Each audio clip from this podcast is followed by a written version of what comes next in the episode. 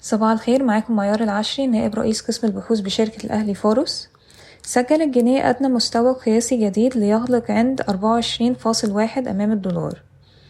وافقت لجنة القوى العاملة بمجلس النواب أمس على صرف مكافأة قدرها 300 جنيه في نوفمبر لموظفي القطاع العام والمتقاعدين. قال بعض المستوردين إن البنوك بدأت في ترتيب الدولار المطلوب للإفراج عن البضائع المحتجزة في الموانئ.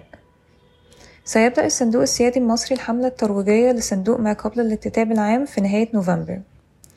قال رئيس الصندوق السيادي المصري آه، إن إعادة هيكلة الشركتين صافي والوطنية ستنتهي قريبا في إشارة إلى أن الشركتين لن تسعى لإدراج أسهمهما في البورصة هذا العام.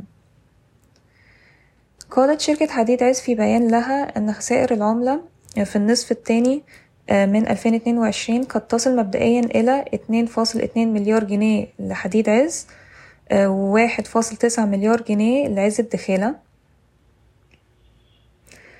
آه، وافق مجلس إدارة عامر على تقسيم الشركة آه، من خلال تقسيم البوك فاليو آه، إلى واحدة تركز على العقارات والأخرى تركز على الأعمال ذات الدخل المتكرر مثل مثل المولات والفنادق.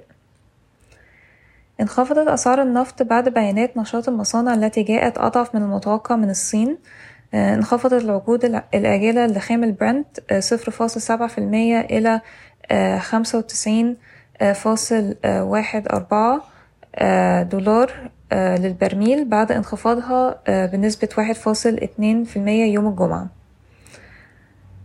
تطلق شركة بيتي ست خطوط إنتاج جديدة هذا العام بتكلفة استثمارية إجمالها مية خمسة وستين مليون جنيه. شكرا ويوم سعيد.